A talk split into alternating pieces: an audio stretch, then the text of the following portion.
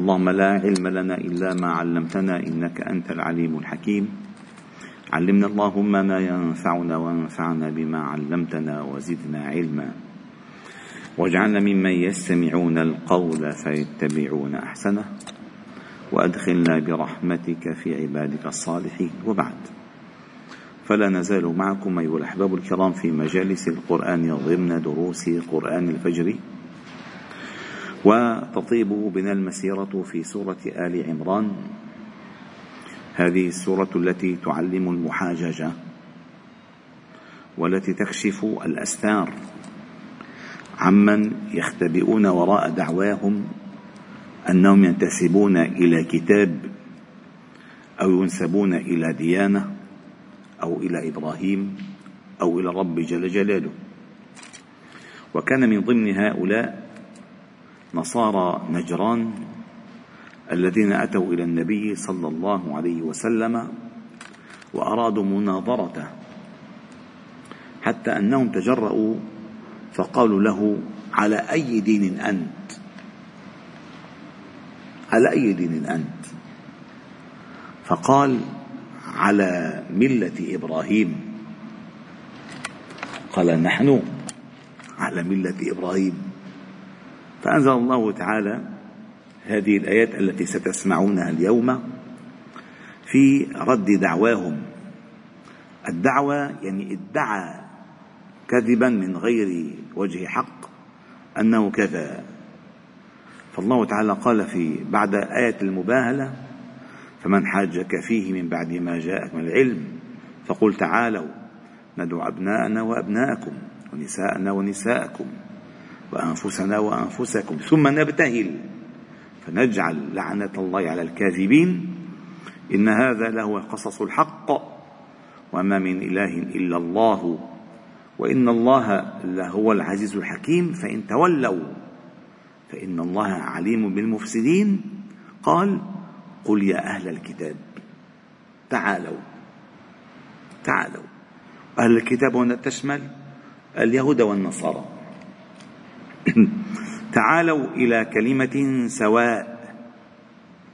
الكلمة السواء هي الكلمة العدل التي لا طغيان فيها التي لا جور فيها التي لا انتقاص لأحد من حقه فيها وهي لا إله إلا الله التي أقام الله تعالى بها الكون. والتي من أجلها وجدت الجنة والنار ولأجلها تنصب الموازين ويوضع الصراط ولأجلها أنزل الله الكتب وأرسل الرسل وشرع الدين. هذه الكلمة التي قال النبي صلى الله عليه وسلم للعرب كلمة تقولونها تدين لكم العرب والعجم. قالوا وما هي؟ قال لا إله إلا الله. لا إله إلا الله. فقال هنا لأهل الكتاب يهود ونصارى تعالوا تعالوا. ما بيقولوا نقاط مشتركة؟ لك إذا ما اتفقنا على الإله على ماذا سنتفق.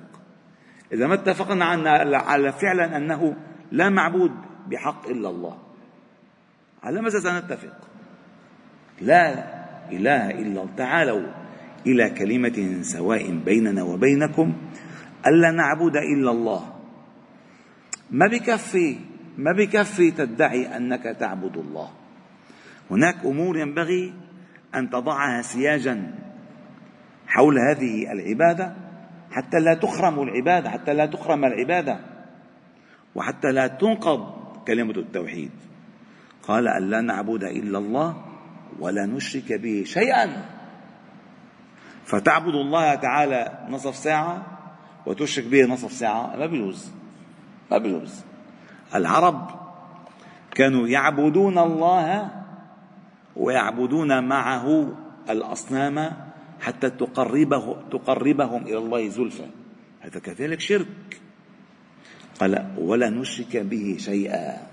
الا نعبد إلا الله ولا نشرك به شيئا. ثم بعد ذلك قد يكون الشرك الشرك ونواقض العبادة من جنس آخر بمعنى ولا يتخذ بعضنا بعضا أربابا من دون الله. عندما قرأ النبي صلى الله عليه وسلم هذه الآية على عدي بن حاتم الطائي عندما جاءه مستجيرا مستأمنا وكان يضع في عنقه صليبا وهو كان من نصارى العرب تنصر فر إلى الشام حتى آه، أخته شيماء آه، تشفعت له أن يأتي فهو من ابن خير ابن أكرم العرب. فدخل عدي بن حاتم الطائي على النبي صلى الله عليه وسلم وفي عنقه صليب. فقال له النبي صلى الله عليه وسلم ضع عنك هذا الوثن. لأن هذا الصليب اخترعوه. الصليب ليس شيء شو الشيء اللي يعبد؟ ليش ما المسلمون بيحط مثلا بيحطوا قمر أو هلال أو بيحطوا كعبة مثلا. مع أنه الكعبة يعني يسجد إلى قبلتها ولكن ما بحياتنا شفنا حاطين كعبة. قال له ضع ضع عنك هذا الوثن ثم قرأ عليه قوله تعالى اتخذوا أحبارهم ورهبانهم أربابا من دون الله والمسيح ابن مريم. فقال عدي ما عبدناهم؟ ما عبدنا الأحبار ولا الرهبان؟ قال أما كانوا يحلون لكم الحرام يحرمون عليكم الحلال فتطيعونهم فتلك عبادتكم لهم أي العبادة في إطاعتهم دون الله. قال هنا ولا يتخذ بعضنا بعضا أربابا من دون الله. يعني عدم الشرك الظاهر وعدم الطاعة في معصية الله ولا يتخذ بعضنا بعضا أربابا من دون الله. فإن تولوا فقولوا اشهدوا بأننا مسلمون. الإسلام أن نعبد الله وحده أن لا نشرك به شيئا أن لا يتخذ بعضنا بعضا أربابا من دون الله. التولي عن ذلك تولي عن الإسلام. فإن تولوا فقولوا اشهدوا بأننا مسلمون. يا أهل الكتاب لم تحاجون في إبراهيم؟ تنسبون أنفسكم إليهم؟ إليه. وما أنزلت التوراة والإنجيل إلا من بعده. يعني العرب النبي صلى الله عليه وسلم ما جاء بالتوراة ولا جاء بالإنجيل.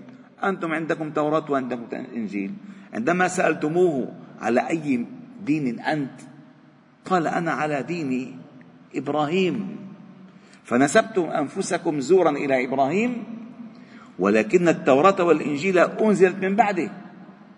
ما أنزلت عليه لا توراة ولا إنجيل أما هو أن وسلم كان على الملة الحنيفية السمحة وكل العبادات التي في مكة إنما هي من وضع إبراهيم. وإذ يرفع إبراهيم القواعد من البيت وإسماعيل. هذه الملة. فقال يا أهل الكتاب لم تحاجون في إبراهيم؟ وما أنزلت التوراة والإنجيل إلا من بعده.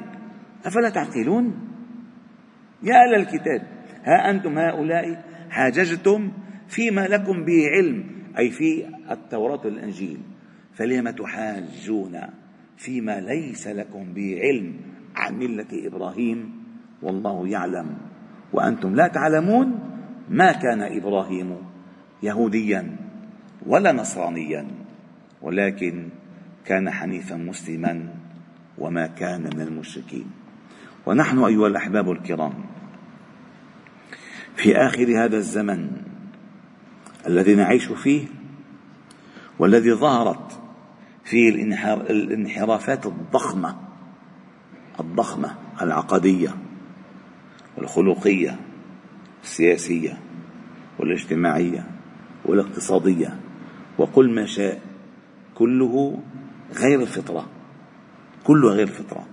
ما أحوجنا ونحن في أمام هذه التغيرات الجارفة التي يعني تجعل الخطر حادقا حتى بأطفالنا حتى بكبار السن عندنا.